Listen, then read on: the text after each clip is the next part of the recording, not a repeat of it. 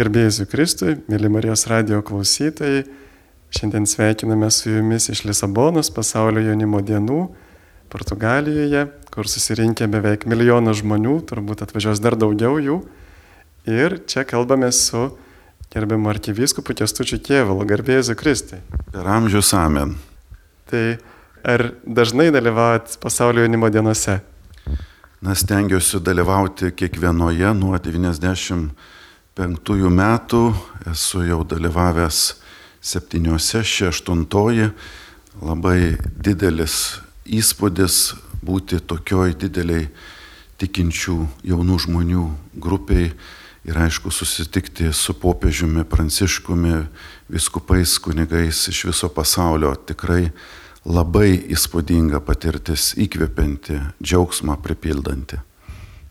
Ir popiežius atrodo, kad šiemet parinko tokią labai įdomią temą, įdomią eilutę iš Evangelijos, kad Marija skubiai susiruošusi iškeliavo. Iš tikrųjų, tą mūsų laikmetį mes visur skubame, bet turbūt skubame ne ten, kur reikia. Ir kartais iš tikrųjų turbūt Dievas nori, kad mes paskubėtume tam tikrose dalykuose pagal jo valią. Dažnai mes skubame savo reikalus tvarkydami ir mūsų skubėjimas susikoncentravęs į mus pačius ir dažnai neteikiantis nei laimės, nei džiaugsmo.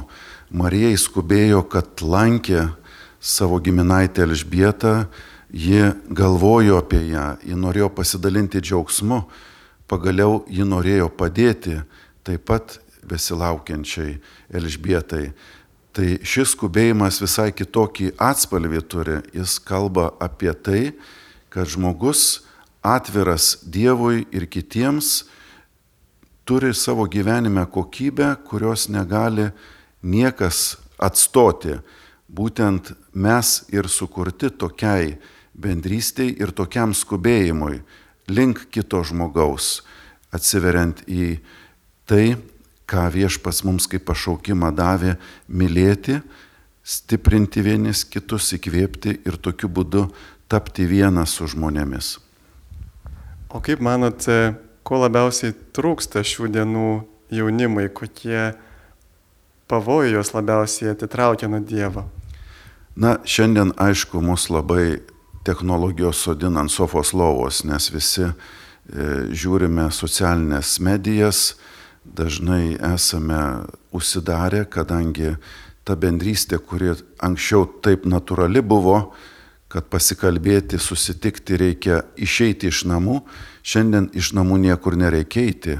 Susitikimas vyksta tiesiai šviesiai čia pat mano kambaryje. Ir tas yra ir, ir minusas, bet aišku ir pliusų yra.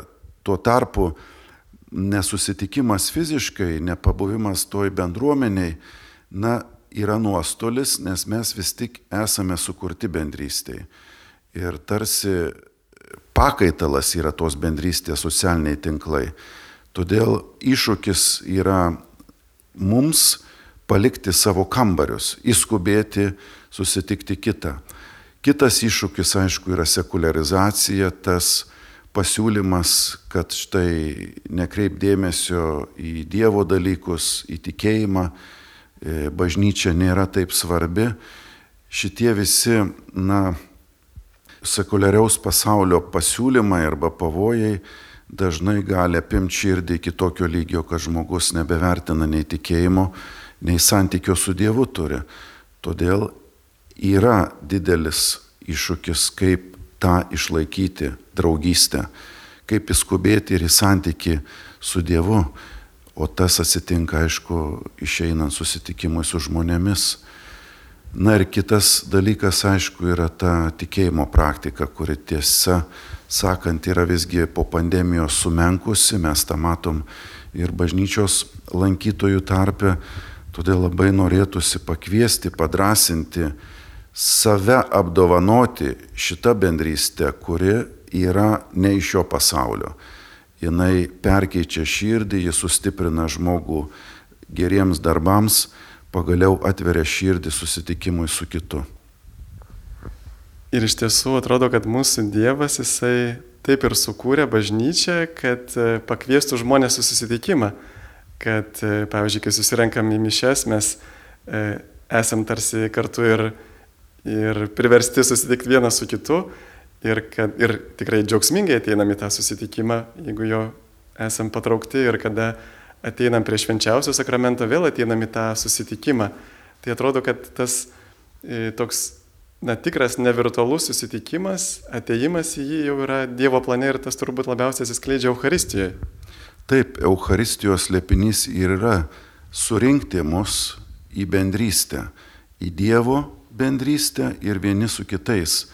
Santykis, kuris yra nuskaidrinamas Euharistijos adoracijos metu, jisai tampa toks ryškus, kad žmogus geba užmėgsti ryšį tada ir su kitais žmonėms lengvai, kai jisai ryšyje su Dievu yra, nes Dievas vis dėlto mums dovanoja gebą tapti bendruomeniškais, tapti socialiais, tapti žmonėmis, kurie patys savimi traukiame vieni kitus. Ir čia turbūt yra mūsų laimės atsakymas, nes mūsų prigimtis sukurta bendrystėje sukurta socialumui.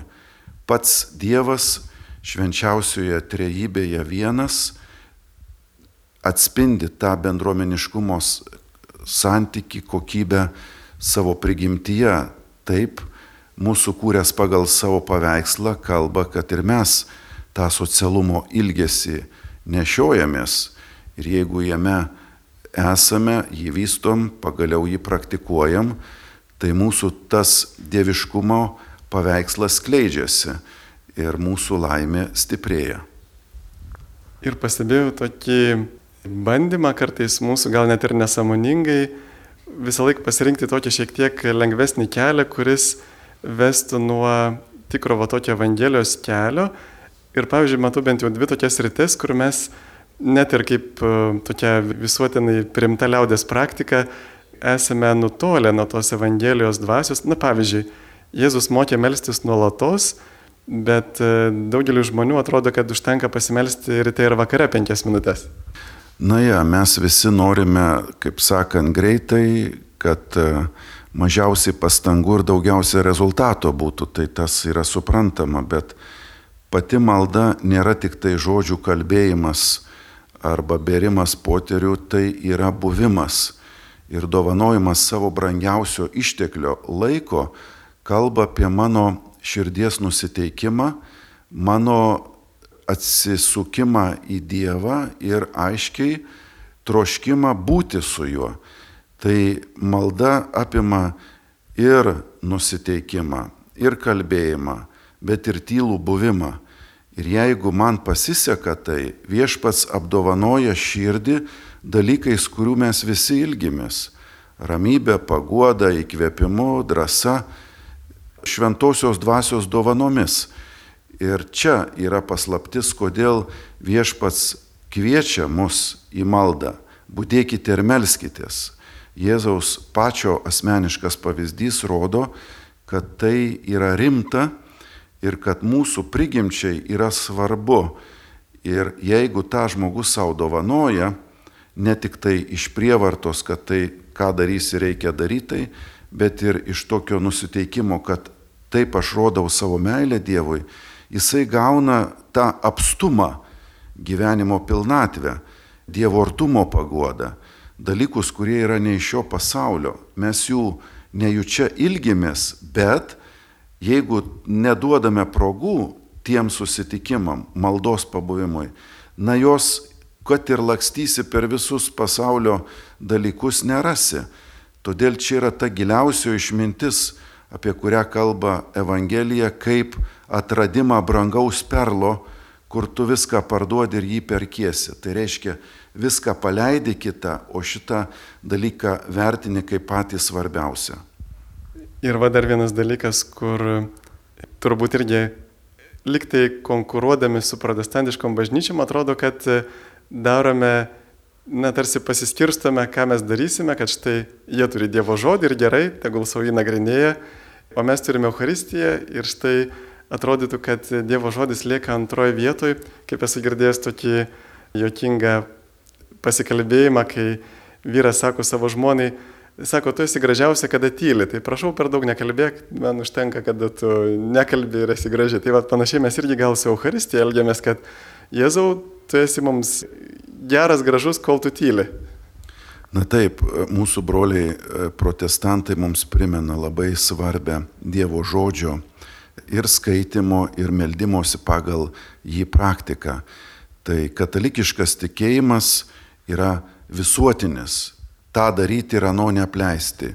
Reiškia ir Dievo žodis, ir Euharistija yra tos dvi obulio pusės, galėtume sakyti. Ir šventose mišiuose šitos dalys yra vienodai svarbios ir taip pat mano pačių gyvenime turėtų būti kažkokiu būdu atspindėta. Ir Dievo žodžio skaitimas kaip kasdieninė praktika, kaip staplėjimas prie man parašyto laiško pačio kurėjo, na ir aišku, Euharistijos dovanos, kuris stiprina mane, kad aš tą Dievo žodį galėčiau įgyvendinti, nes man reikalingos jėgos, pajėgos, dažnai esu per silpnas tą įvykdyti, ką girdžiu tame žodyje kviečiant. Todėl, jeigu skaitau Dievo žodį ir jeigu Euharistiją vertinu kaip savo gyvenimo maistą ir vaistą, aš gyvenu toj pilnatvėj, apie kurią Jėzus kalba ir kurią nori mums padovanoti jau šio žemėje. O dar sakykit, jaunam žmogui, kada jisai ateina į bažnyčią, jaunas žmogus turi daug energijos, daug e, meilės, vilties, užsidėgymo, bet jam trūksta ir, ir tokio ir nuolankumo pritrūksta kartais, ir gyvenimiškos patirties. Ir jaunimui kartais yra taip, nu, kaip čia pasakyti, kartais nesmagu būti su versniais žmonėmis, bet vis dėlto jam reikia jų. Kaip atrasti jaunimui tą tokį teisingą santykį su vyresniais, nes labai dažnai ir tie vyresniai kartais nori na, primesti savo valią, kontroliuoti, ypatingai ir šeimose. Tai vad, kaip jaunimui atrasti tą tokį teisingą bendrystę su kitomis kartomis? Na, jaunam žmogui natūraliai trūksta galbūt patirties ir gyvenimas dar tik prasidėjęs, todėl renkamo žinios, išmintis, todėl nėra nieko nuostabaus, kad kartais pritrūksta ir tokio galbūt e, iš nuolankumo ir, ir, ir, ir tokio kuklumo. Štai aš viską žinau, aš viską galiu. Aišku, tas jaunystės maksimalizmas jisai yra žavus, tačiau labai svarbu, kad žmogus būtų atviras tai išminčiai, kuri yra sukaupta praėjusių kartų ir gali dovanoti man tiesiog tokioj miniatūroj didelius e, dalykus, išvalgas, kurie man padės gyvenime nedaryti klaidų. Popiežius Pranciškus ir per šias jaunimo dienas labai kviečia jaunus žmonės e, klausytis savo senelių, kadangi jų gyvenime išmintis gali labai daug duoti pagalbos, kaip vesti mano gyvenimą, kad nepadaryti klaidų, nesužeisti savo širdies, pagaliau rinktis teisingą gyvenimo kryptį. Tai va tas kartų bendravimas, na jis yra nepaprastai didelė dovana, ypač jeigu jaunas žmogus atsiveria, jisai praeina, galėtume sakyti, gyvenimo universitetą čia ir dabar savo artimiausius žmonės kalbinamas, savo senelius ir tėvus. Ir čia turbūt labai bažnyčiai reikia irgi atrasti tą subsidiarumo principą, kad e, štai vyresnis turi duoti laisvę tam jaunesniam ir ar mažesniam padaryti tai, ką jisai pats gali padaryti, kad nereikia už jį viską padaryti. Teisingai, jisai žino, kad dažnai, kaip sakant, trūksta jėgos, trūksta išminties, todėl jeigu žmogui Dievas davė širdį, protą, valią, jam gali duoti ir pagalbą, kurie ateina iš jo aplinkos, iš jo artimųjų, iš jo pažįstamų, Ir tik tai bendruomeniai mes galime atrasti ir savo pačio giliausią identitetą, bendruomeniai atrasti, kaip veikti, kokiu būdu vesti gyvenimą, na ir aišku, pačiam prisidėti prie bendruomeniškos patirties ir kitiems žmonėms padėti. Tai čia galėtume sakyti, yra tarpusavio pagalba vieni kitiems. Toksai dvipusis eismas. Aš gaunu, duodu. Ir jeigu išeinu į tą santyki, esu žmogus, per kurį liejasi taip pat ir Dievo malonė. Tokie renginiai kaip jaunimo dienos mus įkvepia keisti savo gyvenimą, atsiranda daug tokių gražių pasiryžimų ir tikrai Dievas paliečia. Bet kai grįžtam namo, tai atrodytų, kad ta visa rutina mus nuneša ir palaidoja tuos gerus pasiryžimus ir visko labai daug. Iš tikrųjų, kaip išsaugoti va, tas gerasias sėklas savo gyvenime, kad e, jos iš tikrųjų duotų vaisių ir vėliau? Na, čia mums gali padėti Šventojo Benedikto palikta gyvenimo tvarka, regula, apie kurią jis kalba, kaip svarbu gyvenime disciplina. Ir tas e, dienos ritmas, orat labora, dirbk ir melskis, Tai išlaikyti malonę reikalinga disciplina, reguliarumas ir kiekvienos dienos, e, na, tokia dienotvarkė, kurioje labai svarbi dalis yra malda viešpačiui, tada paskirtas laikas darbui, polisiui, kitai žodžiais tariant, bandymas tą tvarką įkelti į savo dieną, reiškia mano pastanga išlaikyti malonę tame ilgame kelyje, kai dažnai kasdienybė kesinasi atimti iš manęs tas dovanas, tą džiaugsmą, pagaliau tą įkvėpimą, kurį gaunu per šventę. Jeigu žmogui pavyksta, tada jisai turi tos malonės paskanavimą kiekvieną dieną, kurį įneša per dažnai mūsų gyvenime įsiveliančią rutiną. Ir nepavyksta kartais mums visko atlikti toj dienoj, bet pastanga vėl iš naujo kitą dieną tai daryti, na, yra vėlgi mano meilės parodimas Dievui, kad viešpati aš bandysiu, aš stengsiuos ir tvarka mano dienoje ir gyvenime bus. Ačiū. Ir šitas kelias, ypatingai kada mes sustinkam vėl grįžę su žmonėmis, kurie yra mums sunkus, galbūt ir mūsų charakteris jiems sunkus.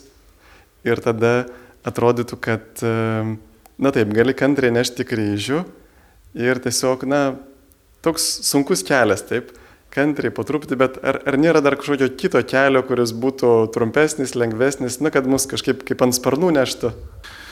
Na tai tas kitas kelias, aišku, visada mums, kaip sakyti, viešpaties pasiūlytas, kur jis sako, be manęs jūs nieko negalit nuveikti. Tai reiškia, aišku, galit bandyti tą kryžių nešti vieni ir žmonės dažnai tą daro, užsideda įvairias na, naštas, kurios sunkiai pakeliamos, o kartais net patį žmogus užlugdo.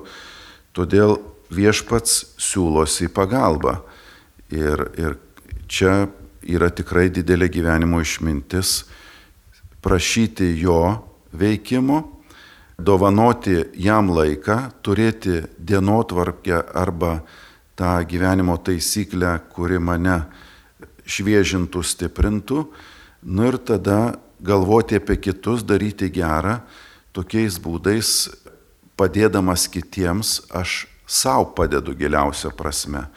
Nes čia yra įdomus dalykas, kad norint padėti savo, aš turiu padėti kitiems. Tai tas paradoksas, kad man dažnai ateina Dievo malonė tada, kai aš pats bandau Dievo malonę kitiems žmonėms dovanoti. Ir jeigu tas pavyksta, staiga žiūrėk ir mano pačio problemos, įvairūs sunkus santykiai pradeda spręstis. Jeigu aš tik tai vienas lovoj atsisėdęs kamputyje sprendžiu problemas, gali būti, kad man nepavyks, nes visgi esu vienas dalykiuose, kurie pranoksta kartais mano pačio jėgas. Todėl santykis su Dievu, su kitais žmonėms yra svarbus taip, kad norint pamilti save, aš šitos santykius turiu vystyti, stiprinti ir juos įgyvendinti konkrečiais būdais savo gyvenime. Tai labai dėkoju Jums. Čia buvo arkivyskupas Kestutis Kievalas iš e, Lisabonos, prie mikrofono buvo aš kuningas Sigitas Jurkštas ir gal galėtumėt Jūs dar palaiminti mūsų klausytojus, ypač jaunimą, kuris klausosi. Gerasis viešpatė, laimink mūsų brangius Marijos radio klausytojus, ypač jaunus žmonės, kad širdis užsidegtų tavo viešpatė gerosios naujienos skleidimu, kad būtų širdyje paguoda, mylėti artimą pajėgos ir palaimink mus, mūsų šeimas ir mūsų tėvynę, vardant Dievo tėvo ir sunaus ir šventosios dvasios. Te lydimus viešpaties malonė. Dėkojame Dievui ir Jums. Sudė. Su Dievu.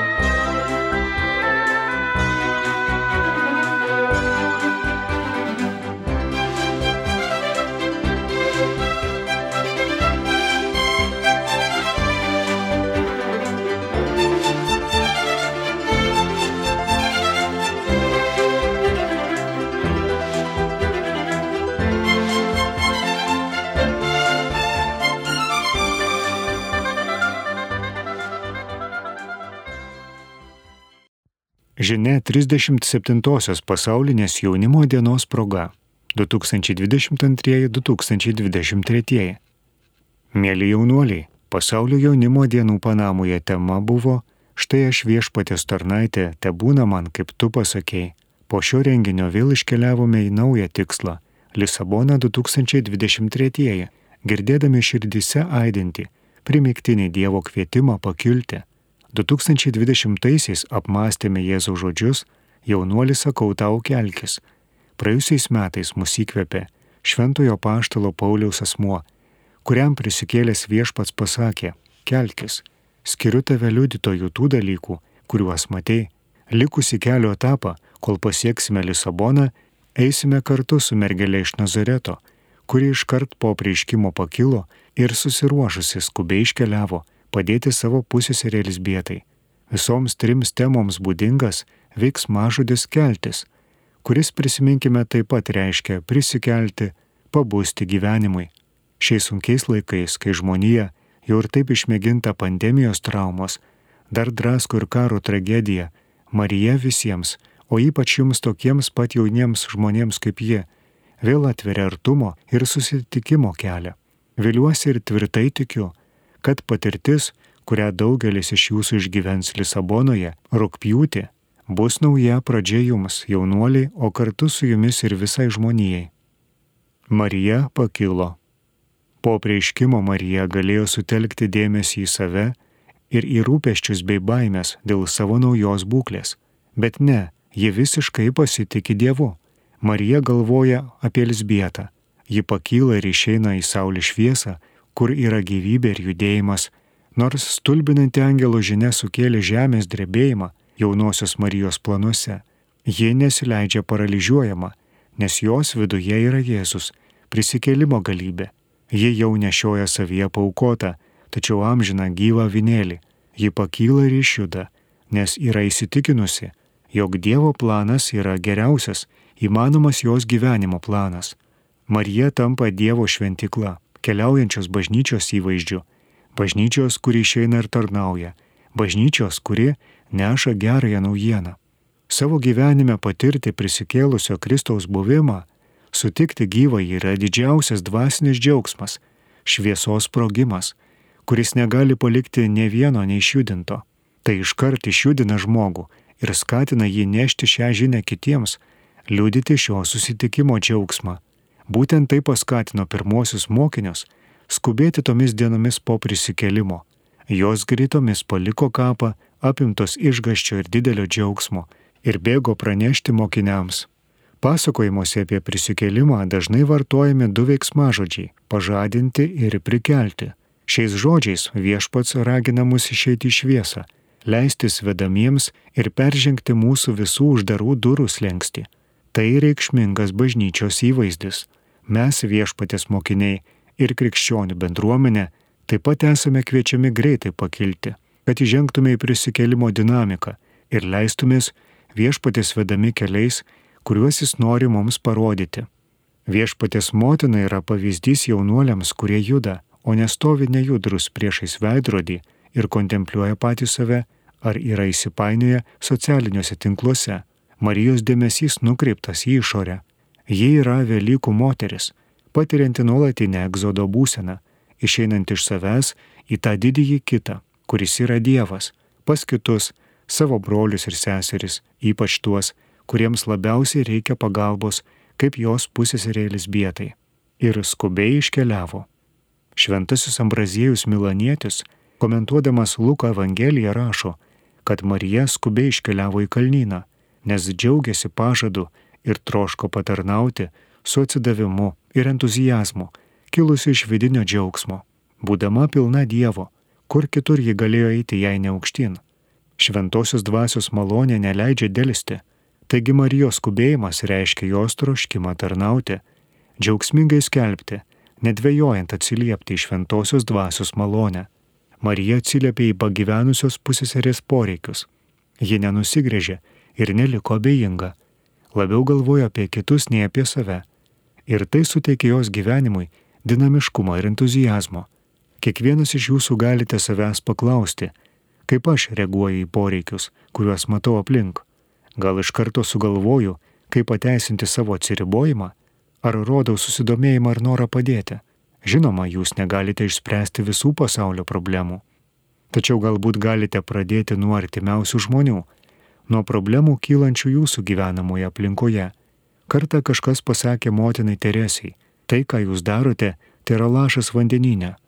Jie atsakė, bet jei aš to nedaryčiau, vandeninė būtų vienu lašu mažiau.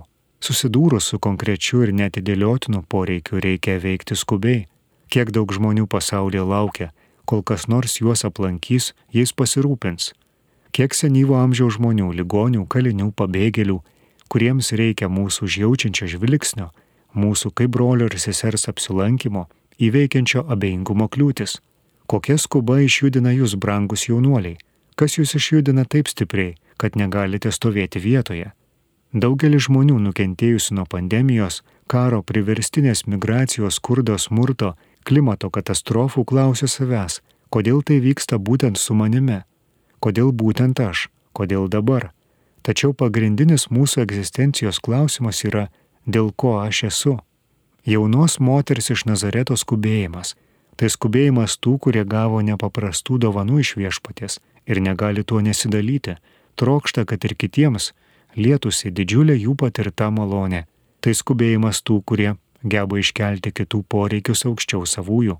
Marija yra pavyzdys jauno žmogaus, kuris negaišta laiko siekdamas kitų dėmesio ir pritarimo, kaip dažnai nutinka, kai esame priklausomi nuo patiktukų socialiniuose tinkluose, bet ieško tikro ryšio, atsirandančio iš susitikimo, dalymosi, meilės ir tarnystės. Nuo pat apreiškimo, kai pirmą kartą iškeliavo aplankyti savo pusėserės, Marija nenustoja keliauti per erdves ir laikus, kad aplankytų savo vaikus, kuriems reikia jos rūpestingos pagalbos.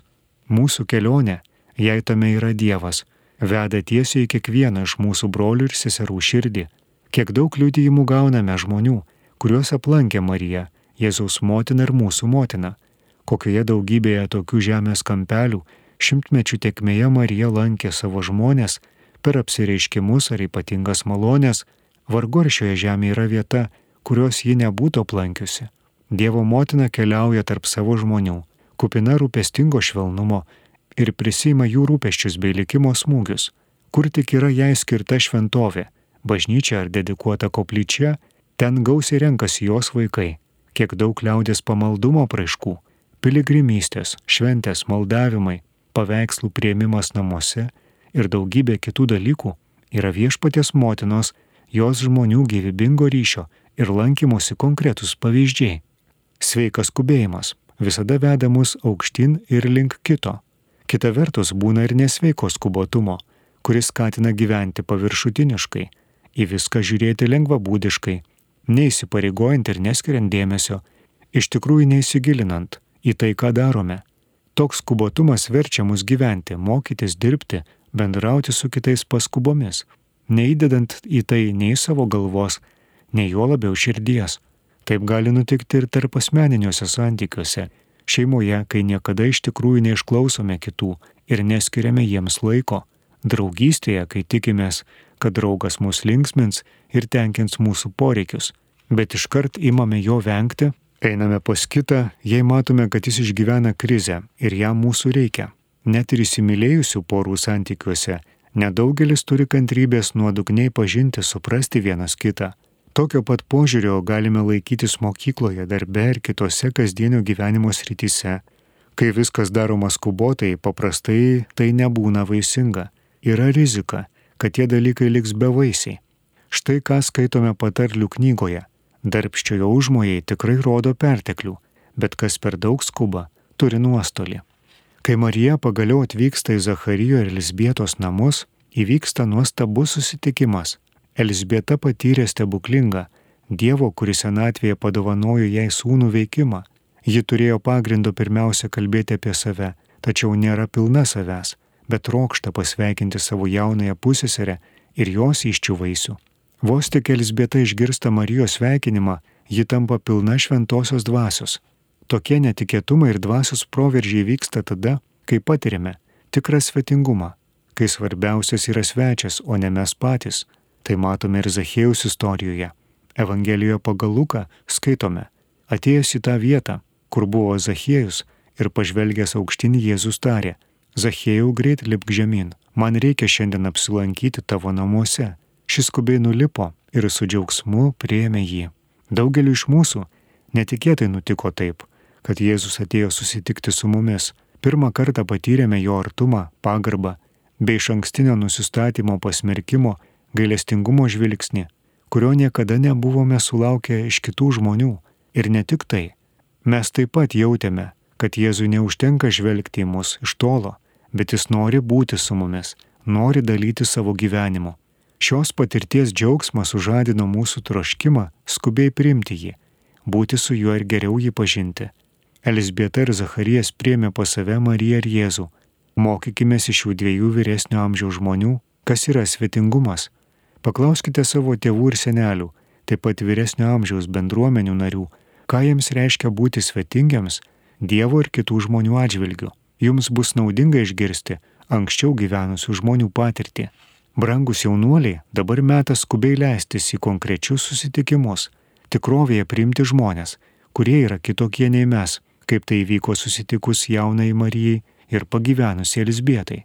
Tik taip įveiksime atotrukį tarp kartų, socialinių klasių, etninių ir kitokių grupių, net nutrauksime karus. Jaunimas visada yra naujos vienybės viltis mūsų susiskaldžiusioje ir pasidalinusioje žmonijoje. Tačiau tai įmanoma tik tuo met, jei jaunieji puoselėja atmintį, jie įsiklauso į vyresniųjų dramas bei svajones. Neatsitiktinai karas į Europą sugrįžo tuo metu, kai nueina karta jį patyrusi praėjusiame amžyje.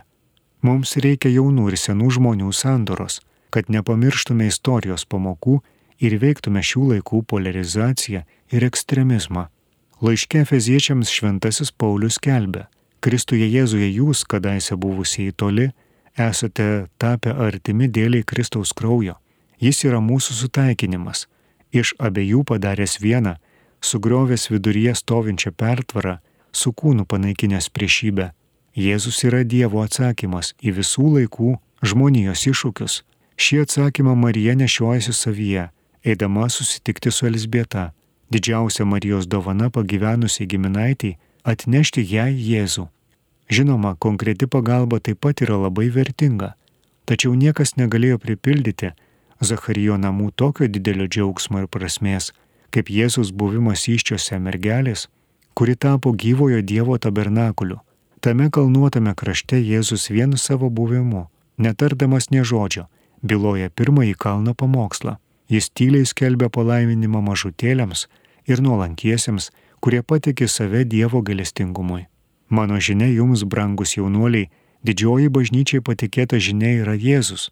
Taip, pats Jėzus, jo begalinė meilė kiekvienam iš mūsų, jo dovanotas mums išganimas ir naujas gyvenimas. Marija yra pavyzdys, kaip priimti šią didžiulę dovaną į savo gyvenimą ir perduoti ją kitiems, kad savo ruoštų neštume Kristų, jo gailestingą meilę ir didžią dvasišką tarnystę kenčiančiai žmonijai. Visi kartu į Lisaboną. Marija buvo jaunuolė, kaip ir daugelis iš jūsų. Ji buvo viena iš mūsų.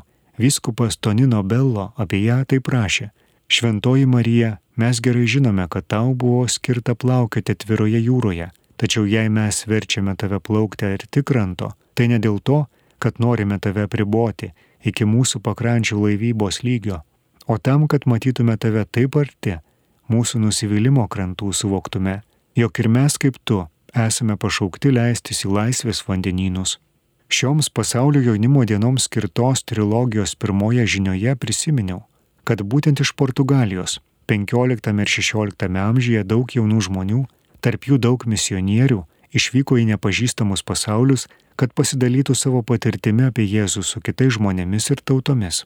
Šį kraštą Marija norėjo ypatingų būdų aplankyti 20-ojo amžiaus pradžioje, kai iš Fatimos visoms kartoms paskelbė galingą ir nuostabę Dievo meilės žinę, kviečiančią į atsivertimą, į tikrąją laisvę.